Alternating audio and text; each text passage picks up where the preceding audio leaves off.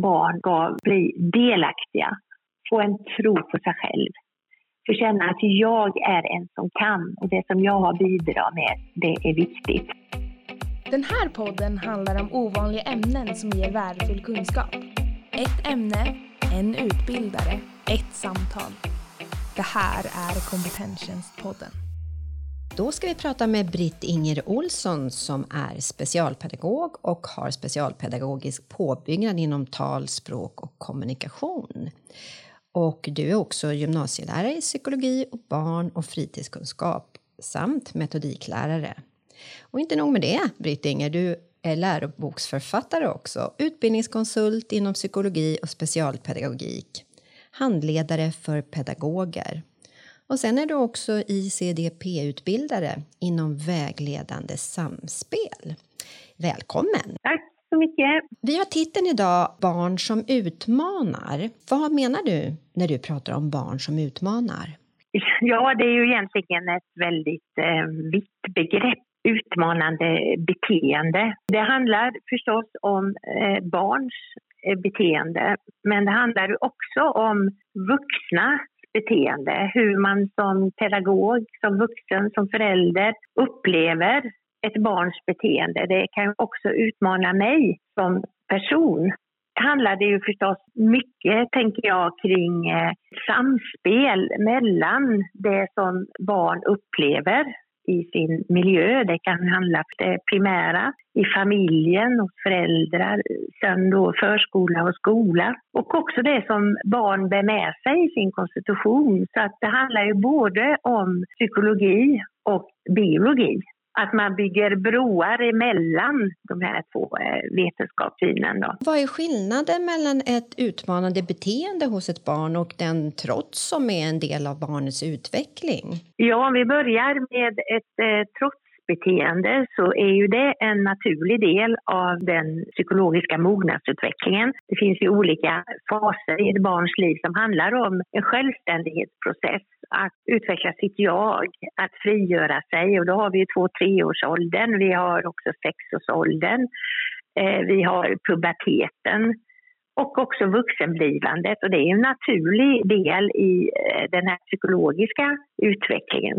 Eh, sen kan man av olika orsaker ett eh, trotsbeteende och det kan ju handla om olika former av diagnoser, till exempel ADHD, där en samverkan mellan ett trotsbeteende och diagnosen ADHD. Och det gör ju också att barn som har den diagnosen har ofta en bristande självkontroll med låg tolerans för olika frustrationer som gör att man har svårt att hantera motgångar. Är det det du också då är inne på när du talar om barn som har ett utmanande beteende? Ja, det finns ju också det som går in under neuropsykiatri. Och där är det ju förstås olika eh, delar här också. Det kan ju handla om inlärningssvårigheter. Det kan handla om en bristande språklig förmåga. Som jag nämnde här också, att det kan handla om en bristande självkontroll. Ja, ja vi, jag tänker vi pratar också om barnens utmanande beteende. Eftersom du vänder dig till pedagoger också, så hur påverkar det här pedagogerna att samverka med barn som har de här utmanande beteendena? Det påverkar ju pedagoger också därför det handlar ju också väldigt mycket om hur hanterar jag det här som pedagog? Vad händer inom mig? Vilka känslor känner jag? Det kan ju handla om eh, att man känner eh, skuld till exempel. Det kan handla om att man också känner en bristande självtillit. Att hur ska jag klara av det här? Det kan också väcka egna känslor från en egen uppväxt. Hur ska man då hantera en sån situation som pedagog när man har utmanande barn i sin grupp? Hur kan man på bästa sätt bemöta dessa barn? Jag tänker ju så att det är väldigt viktigt eh, att man har kunskaper om olika beteenden hos barn och också att man har en förmåga till en eh, egen reflektion kring vad gör detta med mig? Vad är det för känslor som väcks i mig? Att man också har en förmåga till det här begreppet mentalisering, att man kan leva sig in i barnets känslor och eh, agerande. Men också då att man också vågar titta på sig själv. Alltså det är ju både det här att förstå andra människor inifrån men också att se sig själv utifrån. Hur uppfattar andra människor mig? Och det är ju det som man med, kan man säga, med ett enkelt språk kan definiera som mentalisering. Men det har visat sig att det är oerhört viktigt, att det är en viktig nyckel i att kunna hantera barns beteende. Skulle du kunna ge ett exempel på ett sådant bemötande? Det handlar också om att försöka lugna ner barnet. Även om det väcks en oro inom en själv, att man Eh, försöka förstå vad är det som gör att barnet uppvisar nu den här ilskan eller trotsbeteendet eller säger väldigt otrevliga saker. Och också då att man kan reflektera över sig själv, vad är det som händer inom mig här nu? Men också då att försöka, vad är det som hjälper Då att lugna ner beteende? Alltså affekter smittar ju väldigt mycket. Så är det ett barn som visar aggressivitet så är det väldigt lätt att man själv också får samma affekt. Ja, så att lugna ner situationen. Man pratar ju idag om lågaffektivt bemötande och det handlar ju egentligen om att undvika att komma i uppspeltillstånd. Ja, det är ju lite grann det som jag pratar om här. Kan man lugna ner så blir det på sätt och vis ett förebyggande beteende men det kan ju också vara ett sätt som man använder i en sån här situation. Att man på något sätt försöker hålla om barnet, aldrig, aldrig hålla kvar på något sätt. Va? Men försöka lugna ner och sätta sig på huk och tänka på hur använder jag röst vatten här nu och att man inte tar i barnet med spända muskler till exempel. Då. Att man kanske går undan och försöker i en lugn vrå innan man kanske börjar då ställa en massa frågor till exempel. Sen kan det vara väldigt viktigt med ett samtal där man kan utgå ifrån eh, frågor som gör att barnet kan berätta mer varför man blir så arg och vad som händer inom barnet. Men först behöver man ju då lugna ner på så sätt så blir det ju ett förebyggande arbete också. Men naturligtvis är det ju viktigt att vara steget före med de här barnen också där man ser när saker och ting är på gång, kanske i en undervisningssituation eller i en förskolegrupp så att man kan, kan eh, agera förebyggande också. Så det låter som att man behöver ha en väldig närvaro i att möta de här barnen och vara medveten om när det sker en frustration. Och sen har jag också att inte bara lugna ner situationen utan att barnet också får sätta ord på vad den känner. Och det tycker jag är väldigt viktigt. Jag har ju skrivit en bok också som heter Barn med utmanande beteende. Eh, tidiga insatser i förskola och skola. Det är jag, Brittinger Olsson och Kurt Olsson som har skrivit den på studentlitteratur. Då. Och där finns ju också mycket eh, exempel kring eh, anknytningspsykologin som kommer in tycker jag, som också har en väldigt viktig kunskap att ha med sig. Och eh, också då hur samtalar man med barn, alltså att man bygger upp de här barnsamtalen med eh, väldigt mycket öppna frågor. Och det finns då exempel på hur man lägger upp de här samtalen i olika faser som gör att barn får möjlighet att sätta ord på sina känslor. Nej, jag tänker också när vi pratar om, om anknytningsteorier, ska vi säga lite om vad det är för någonting? Det är ju en psykologisk teori som man skulle kunna uttrycka det lite så att alla barn knyter an på så sätt så eh, är det ju en överlevnadsmekanism. Och det tillhör lite mer kan man säga en evolution och biologisk teori då. Men det är också psykologisk teori så tillvida att anknytningsprocessen kan ha olika kvaliteter. Och på så sätt handlar det väldigt mycket om vad barn är med om i sin familj och senare i livet där man också då utvecklar olika anknytningsmönster man beskriver det som fyra olika anknytningsmönster. Ja, som jag förstår det rätt, hur man då knyter an till sina vårdnadshavare, hur den anknytningen ser ut, det är den anknytningsmönster man sedan bär med sig. Ja, så kan man uttrycka det också. Och där finns det då fyra olika anknytningsmönster som blir en del kan man säga, av personlighetsutvecklingen. För det blir så småningom alltså intrapsykisk och eh, påverkar då personlighetsutvecklingen. Och det bär vi ju med oss hela livet. Och ofta är det ju de här anknytningsmönstren som kommer fram när vi känner oss hotade eller stressade.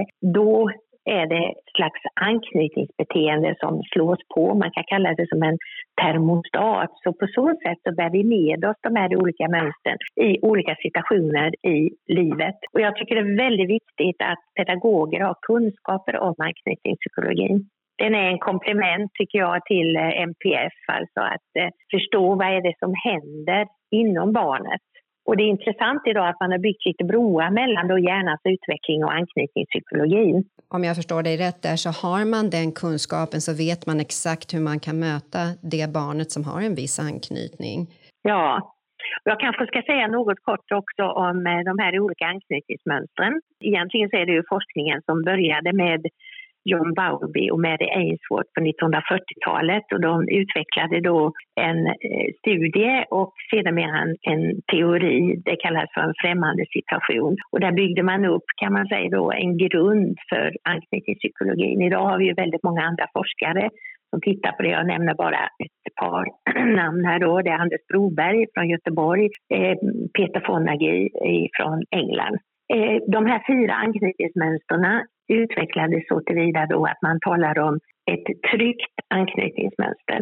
Och det handlar ju också väldigt mycket om att barn utvecklar en tillit till vuxna och sen en tillit till sig själv. Att man bygger upp någon slags eh, trygg hamn eller en trygg bas dit man kan återvända för att eh, ja, hämta lite kraft och gå vidare i olika situationer. Så det finns en vårdnadshavare som, som finns att landa emot i den här trygga anknytningen. Det finns alltid någon att komma tillbaka till. Det finns en närvaro av någon av de vårdnadshavarna. Ja, precis.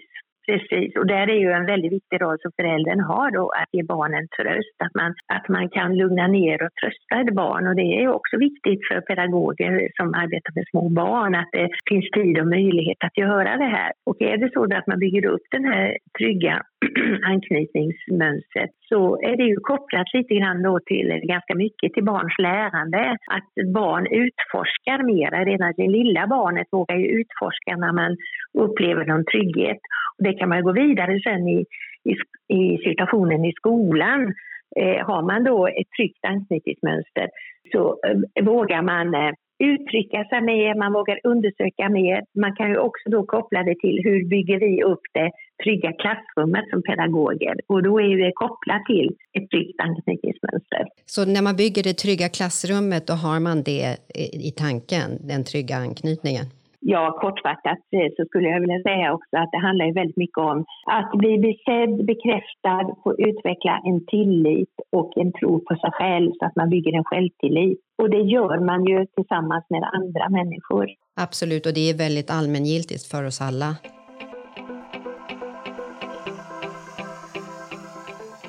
Ska vi gå vidare lite grann till nästa anknytningsmönster och då tänker jag ett otryggt eller undvikande anknytningsmönster.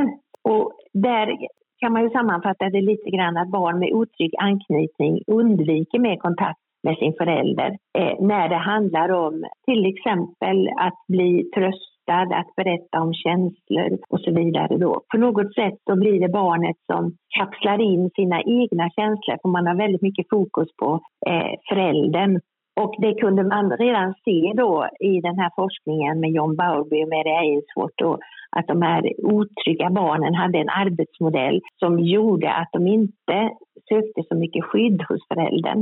Och deras erfarenheter var att de förväntar sig inte någon trygghet från föräldern. Man föds ju inte sån, så skulle du säga att man präglas in i det att man inte har kunnat komma till vårdnadshavaren om man har varit ledsen, blivit bortstött på något vis. Det är mer en prägling som skapar anknytningsmönstret. Ja, det är det ju. Det, det kan man ju säga att det är en förälder eller en vårdnadshavare eller en pedagog som skapar en situation där man inte är tillgänglig för barnet på det sättet att man inte kan skapa den här närheten, tryggheten och eh, tilliten. Om det upprepas väldigt många gånger vid massor av tillfällen så gör ju det att det blir mer en otrygg anknytning. Då ska vi också komma ihåg att det är ingenting som man är rakt igenom i alla situationer utan det är ofta när det här anknytningsbeteendet slås på, när det är någon situation som väcker något hos barn. Det kan vara en rädsla, det kan vara en paniksituation, det kan vara en stresssituation.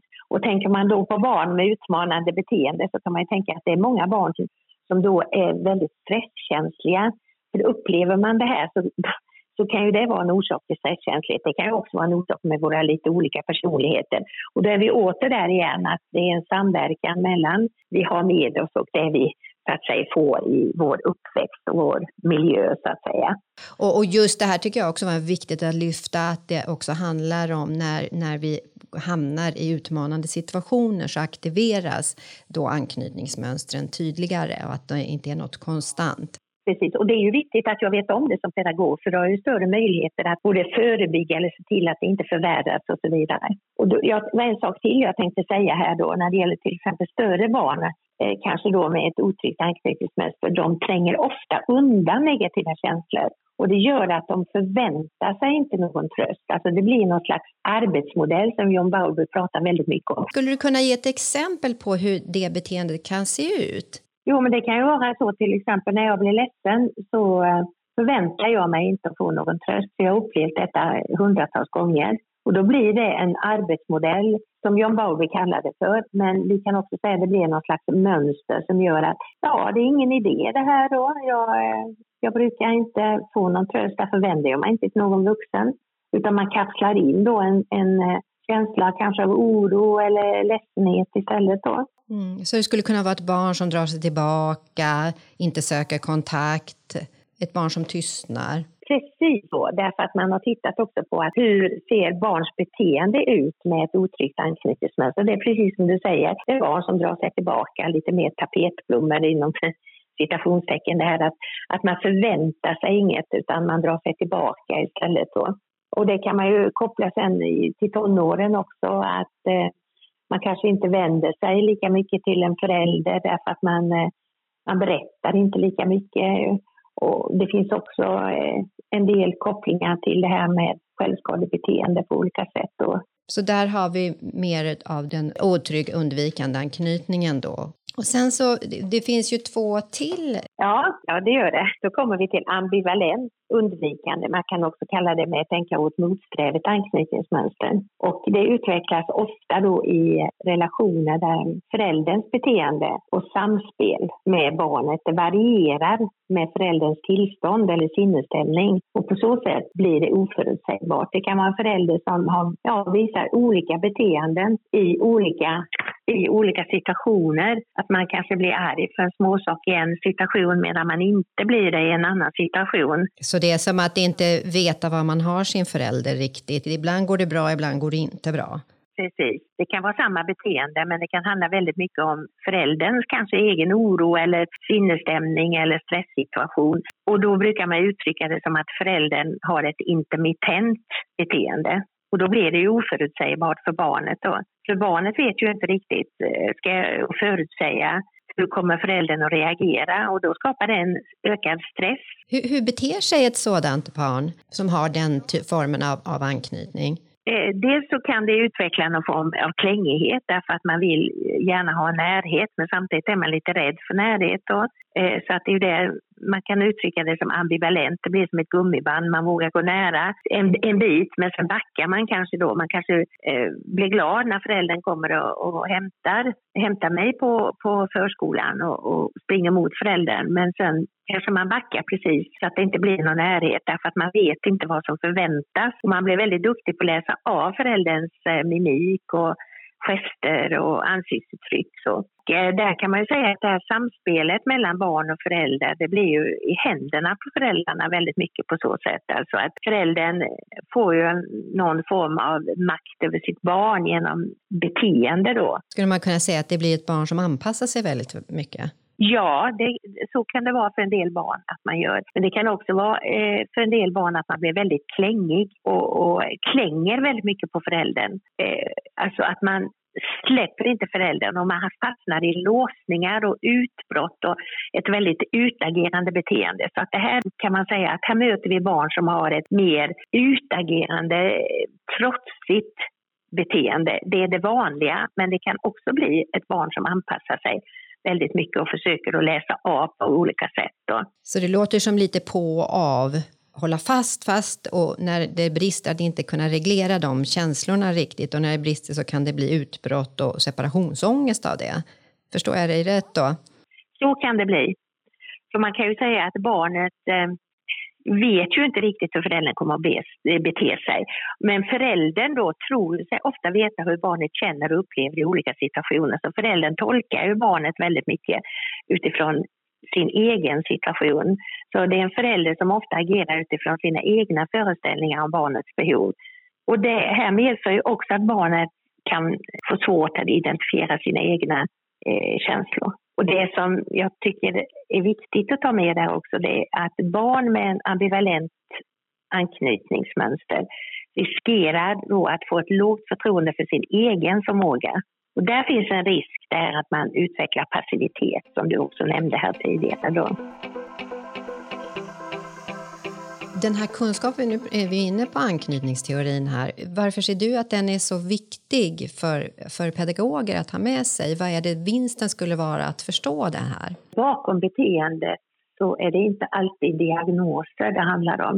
Det finns också en tendens att eh, det är väldigt lätt att ställa lite vardagsdiagnoser och se när barn då kanske har ett utagerande, lite mer aggressivt beteende, att det är frågan om eh, ADHD och trotssyndrom. Och då missar man ju en hel del, utan det är också viktigt här att se att eh, barnets eh, upplevelser och barnets egna tolkningar av barnets arbetsmodeller som gör att man beter sig på ett ett speciellt sätt. Och det är barn som är väldigt stressade. Och då tänker jag att då behöver man ju eh, verkligen vuxna som tonar ner, lugnar ner, bygger en bra relation, att man blir sedd, att man kan stå ut med också kanske en period först. För ett sånt här barn då eh, vill ju ofta testa en pedagog också och där kan det bli lite utbrott för man testar och ser finns du kvar när jag beter mig på det här sättet. Så att förstå anknytningsteorin när man arbetar som pedagog är att kunna möta barnet och förstå barnet bättre utifrån där barnet befinner sig? Ja, precis så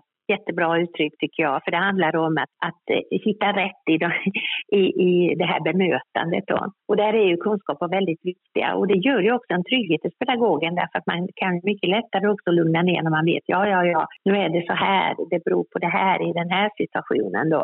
Vi har en fjärde anknytnings eh, Ja, och då, och då äh, pratar man då om ett desorganiserat anknytningsmönster. Och där kan man ju säga att det är en väldigt tydlig skillnad mellan desorganiserad anknytning och, det är ju, och de övriga då, det är att samspelet mellan barn och föräldrar bygger på rädsla, vilket gör att barn har svårt att överhuvudtaget skapa ett anknytningsmönster. Och det kan vara barn som har upplevt trauma eller växer och har växt upp i, i en väldigt dysfunktionell familj. Då. Och där kan det många gånger handla också om att föräldrar själva har haft traumatiska upplevelser som gör att det kan bli svårt att, eh, att eh, reagera på barnets behov av närhet och tröst. Eh, det är ju ofta då att eh, barn då upplever ett misslyckande i sitt sökande efter trygghet. Eh, och det gör ju då att den här eh, Självuppfattningen är ofta präglad av negativa inre arbetsmodeller och att man kan ha ett visst självförakt som barn också. Och det tycker jag är väldigt allvarligt när små barn börjar förakta sig själv. Alltså man kan säga att detta är då ett anknytningsmönster som är absolut starkast förknippat med svårigheter att både skapa och behålla kamratrelationen. Så det barnet har svårt att knyta an överhuvudtaget? Framförallt också att det tar mycket längre tid också. Och där tänker jag också att man, där är barnpsykiatrin också väldigt viktig naturligtvis, eller psykologisk kontakt på olika sätt. Det kan handla om barn som har upplevt krig och tortyr, det kan handla om barn som har upplevt övergrepp på olika sätt eller våld i nära relationer och så. Och då handlar det ju om en, en väldigt stark otrygghet och rädsla. Och det här är ju någonting som man börjar se mer i samhället samhället idag och förstå. Idag är det ju också, ser man det som ett brott när barn får eh, betrakta våld i hemmet till exempel.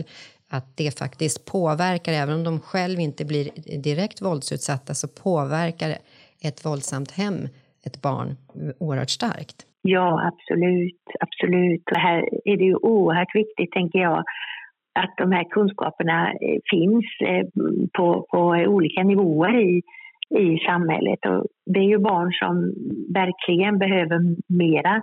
Och jag tänker lite grann som eh, Bo Heiskog Elfven säger, barn gör rätt om de kan. Eh, och eh, många gånger så är det ju så att de här barnen då behöver väldigt mycket vägledning och stöd för att inte minst för att kunna hantera sina egna affekter. Eh, så att de inte blir betraktade som eh, jobbiga barn eller ouppfostrade barn och så, utan att det är barn som saknar färdigheter eh, och på så sätt så behöver man mycket vägledning. Det är en massa olösta problem och avsaknad av färdigheter som gör att de får ett väldigt utmanande beteende. Ja, och det är alltså som att se bakom. Vad, vad, vad kommer sig det här beteendet av?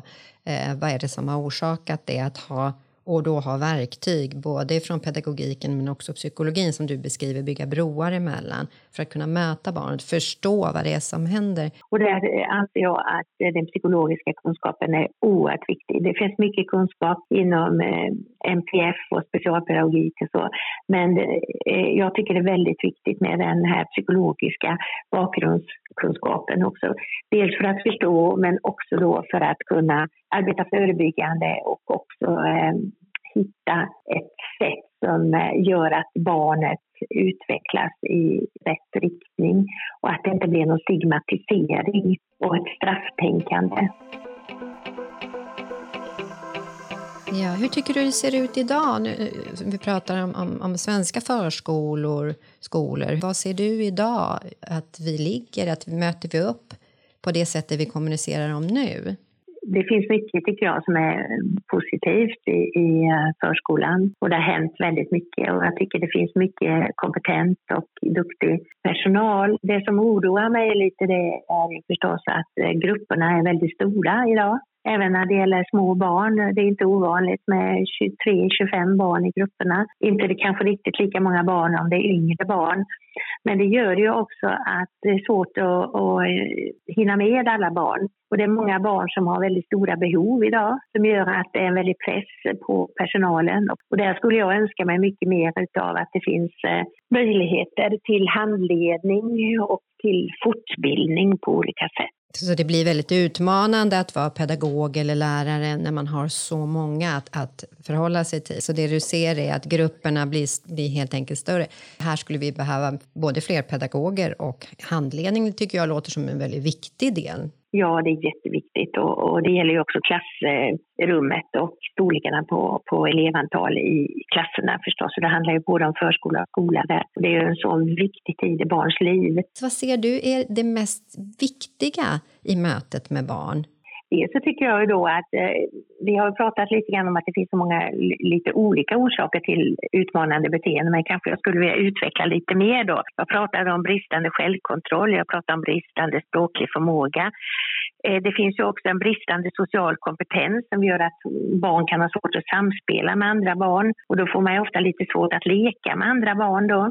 Och där kan jag ju tycka då att det är väldigt viktigt att skapa goda förutsättningar i leken där vuxna kan skapa lekgrupper och på något sätt få barn med i det här samspelet, att få tillhöra en grupp. Och senare i skolan är det väldigt viktigt det här att, att få känna delaktighet när det gäller grupparbeten och kamratskap och så. För att känna att, att jag duger, jag kan utveckla en kompetens Sen finns det också den här bristande förmåga att tolka sociala signaler som också kan vara ett utmanande beteende. Alltså kan man inte läsa av riktigt så kan man ju mer få ett utagerande beteende. Man kanske upplever att det är en konflikt fast det inte är en konflikt. Och där är det ju också väldigt viktigt det här med att skapa eh, situationer i lärandesituationer och så, där man eh, pratar om eh, hur man utvecklar en social kompetens och hur man är mot varandra och så vidare. Då. Sen har vi då bristande exekutiva funktioner, till exempel ADHD och autism. Och det handlar ju mycket om att man har svårt att planera och organisera sitt handlande. Mm, tänker jag då, det är ju väldigt viktigt med den här specialpedagogiska kunskapen då, att eh, pedagogiska åtgärder, det finns ju en mängd olika åtgärder som är jättebra med bildstöd och eh, individuella instruktioner och att man kan använda olika kognitiva hjälpmedel på olika sätt. Jag tänker på eh, Aron Antonovsky som har skrivit väldigt mycket om hälsans mysterium. Och där tänker jag det här att skapa KAS, en känsla av sammanhang är också väldigt viktigt för att eh, få tillhöra en grupp, att komma in i gruppen, att, eh, att man som pedagog tänker väldigt mycket utifrån de här salutogena eh, begreppen som att skapa en begriplighet, att eh, skapa en meningsfullhet och också utveckla så att barn kan hantera olika situationer. Och det gör ju också att, tänker jag mycket så som pedagog, så skapar jag också en förutsättning för barn att ingå i ett sammanhang och det är ju ett förebyggande, tänker jag, när det gäller psykisk hälsa på olika sätt. Absolut, och det ser, det ser vi ju. Får vi höra till ett sammanhang så, så befrämjar ju det hälsa, psykisk hälsa och en form av välmående. Som jag nämnde i början eh, så är du också utbildad inom ICDP, International Child Development Program. Skulle du kunna berätta lite mer vad det handlar om? Ja, det är ju ett förhållningssätt som bygger väldigt mycket på samspel och dialog. Och det är ju grundläggande begrepp inom ICDP. Och det är ju då att barn och ungdomar ska få förutsättningar att utvecklas optimalt och att de upplever att de har goda möjligheter till en egen då personlighetsutveckling. Och inom ICDP så är det ett förhållningssätt där man ser till barns förmågor och utvecklingsmöjligheter. Istället för att då söka fel och brister i deras utveckling och beteende. Och det kan man ju eh, också kalla då ett resursorienterat förhållningssätt. Och det är grunden egentligen till två professorer som eh, har byggt upp ICP från början. Det är Karsten Hundheide, professor i psykologi och Henning Rye, professor i specialpedagogik. Det handlar ju också då om att bygga någon slags eh, bro mellan psykologisk och special pedagogisk kunskap. Du pratar om eh, dialogen. Vad är det för dialoger du pratar om? Hur arbetar man? Ja, det finns lite olika dialoger i innehållet inom vägledande samspel. Och det, det finns tre stycken. Emotionell dialog, meningsskapande dialog och en reglerande dialog. Men den emotionella dialogen bygger väldigt mycket på anknytningspsykologi och affektpsykologi. Den andra dialogen då som är mer meningsskapande dialog, eh, där kan man säga att här ser man väldigt mycket paralleller med Aron Antonovsky till exempel, att skapa meningsfullhet och begriplighet och eh, hanterbarhet. Det också kopplar väldigt mycket till Levigotskis eh, pedagogiska lärandeteori. Och jag tänker just det här med meningsfullhet och meningsskapande, vad har man sett att, varför är det så viktigt? Dels att, att kunna hantera sina egna affekter och förstå sig själv men det är också att förstå ett sammanhang. Hur kan man som pedagog bygga upp då ett meningsfullt lärande?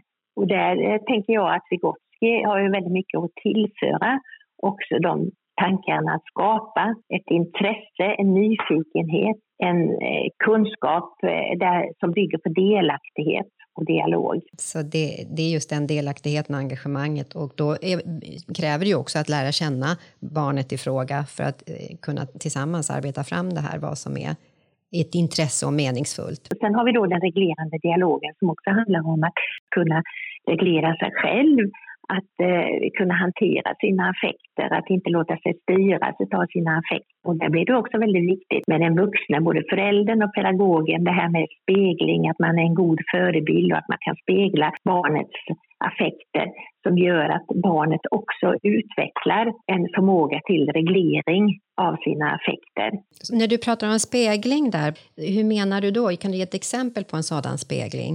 Ja, det kan man ju säga då. Där kommer ju mentaliseringen in som jag nämnde här också, att man kan försöka läsa av barnets affekter. Och i den här situationen då så handlar det ju också om att jag måste ju tänka vad är det för viktig förebild som jag är. Det är inte att jag kanske gapar och skriker och, och så och ingår i samma affekt, utan vad behöver det här barnet? Eh, hos mig som gör att jag blir en bra förebild. Och det är ju mitt eget beteende men det är också hur jag följer upp det här också som vi pratade om här tidigare i form av samtal med frågor som gör att eh, berätta mer om vad som hände här nu då. Hur kändes det inom dig när du blev så arg här i den här situationen?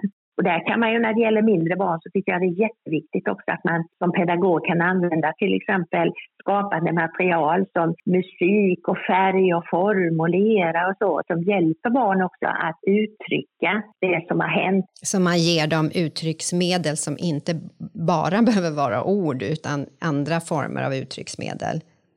Eh, när vi nu pratar om ICP så tänker jag också att en annan viktig bakgrund också som man har med sig inom ICP, det är ju då att man har ju barnkonventionen, eh, den, den är ju väldigt viktig också, att man eh, eh, tänker på alla barn har samma rättigheter och barns bästa alltid ska komma fram i främsta rummet och att barn ska tillåtas att utveckla sin egen takt. Och hur gör vi i, i vår skola, i vår förskola för att förverkliga detta?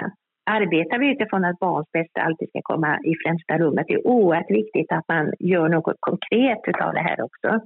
Det låter också som att man behöver påminna sig regelbundet om detta. För jag tänker eftersom vi nu pratade tidigare om att, att grupperna blir större, pedagogerna är färre, kanske har mer eh, belastning, då är det också av vikt att, att få regelbundenhet. Hur kommer det sig att, att du är så intresserad inom det här området? Ja, det kan jag säga. första gången när jag kom i kontakt med det egentligen. Det var eh, 2002 så skrev jag en lärobok, Eh, lärande och utveckling. Och eh, då mötte jag de här tankarna och sen arbetade jag på Specialpedagogiska institutet en period i Göteborg också. Och där hade man det eh, som en viktig förhållningssätt. Och då blev jag väldigt intresserad av det. Började jag, eller rättare sagt jag hade jobbat i Orust kommun ett par år tidigare men gick tillbaka sen till Orust kommun för att bygga upp ICDP i Orust kommun då, där vi eh, har haft det i flera år och eh, där målet har varit att all personal då ska eh, gå en grundläggande kurs då, det är på fyra dagar. Och sen har jag också då haft en fortsättningskurs, steg två, så att pedagoger inom förskolan har fått då steg två för att kunna utveckla föräldrasamarbete så att man då på varje förskola har haft eh, möjlighet till föräldragrupper. Och det har ju varit väldigt bra också, för det är också ett väldigt förebyggande arbete. Det låter helt fantastiskt att, att, att, utbilda både pedagoger och få med föräldrarna. För det är ju att få med hela miljön runt barnet. Jag tycker så också. Och där ska man ju komma ihåg att det här blir ju väldigt mycket ICDP och också väldigt mycket ett systemteoretiskt synsätt egentligen som handlar så mycket om samspel mellan individ och omgivning.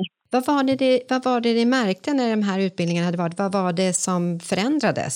Jag tycker att eh, pedagogerna blir mycket mer medvetna om sitt eget förhållningssätt. Alltså det här att, att man blir mycket mer professionell i, i sitt bemötande, att man var mycket mer närvarande, att man blir mycket mer bra på att ställa frågor, inte bara tala om hur det egentligen är utan i dialog ställa de här frågorna som gör att man får ett fint samspel. Vad intressant. Som slutfråga till dig, om den mest idealiska av världar för, för barn generellt och även barn med utmanande beteenden, vad är det du ser om du fick bestämma? Alltså jag, jag eh, tycker ju att det är oerhört viktigt att ha ett förebyggande arbete med barn och ungdomar. Eh, det, eh, det är att man skapar goda förutsättningar i förskola och skola för att barn ska bli delaktiga få en tro på sig själv. Få känna att jag är en som kan och det som jag har bidragit med, det är viktigt. Men också då att barn utvecklar sin empati, sin förmåga. Jag menar barn har ofta gamla, ganska goda förutsättningar till detta. Att vi arbetar mycket med det här, alltså eh, relationer inom gruppen, inom kamratskapen förskollärare och lärare och fritidspedagoger. Det är ju väldigt viktiga personer. Och jag tänker så att ju mer kunskap och kännedom man har om hur man bemöter barn och elever med utmanande beteende och förhållningssätt, desto större möjligheter har man ju också att vara en god ledare för att skapa det här trygga klimatet som jag tycker är viktigt. Jag tänker också att man blir tryggare som pedagog och eh, lärare barn ska tro på sig själv. Jag är en person som kan lära mig. Och eh, tester i all ära och så, men det är också väldigt viktigt att man använder alla diagnosinstrument på ett sätt som gör att det inte slår undan fötterna på barn utan att är det så att man använder tester på olika sätt så är det oerhört viktigt att följa upp dem och att barn verkligen får det stöd som man behöver och det tycker jag brister väldigt mycket fortfarande i, i vårt samhälle. För där tänker jag som John Hattie. Han har forskat väldigt mycket om ledarskapets eh, betydelse och så. Och eh, han uttrycker det lite som att eh, lärarens förutsättningar och tilltro till elevernas förmåga det är av väldigt stor betydelse för elevernas möjlighet att lyckas i skolan. Vi måste tro på eleverna, vi måste ge dem förutsättningar för att lyckas. Vi är alla existentiella varelser med den här stora livsfrågan. Duger jag? Duger jag? Utgivare av denna podd är Kompetenstjänst. Ett utbildningsföretag som erbjuder utbildningar och föreläsningar för fortbildning inom offentlig sektor. Så missa inte den korta versionen av detta avsnitt för ännu mer tips och kunskap.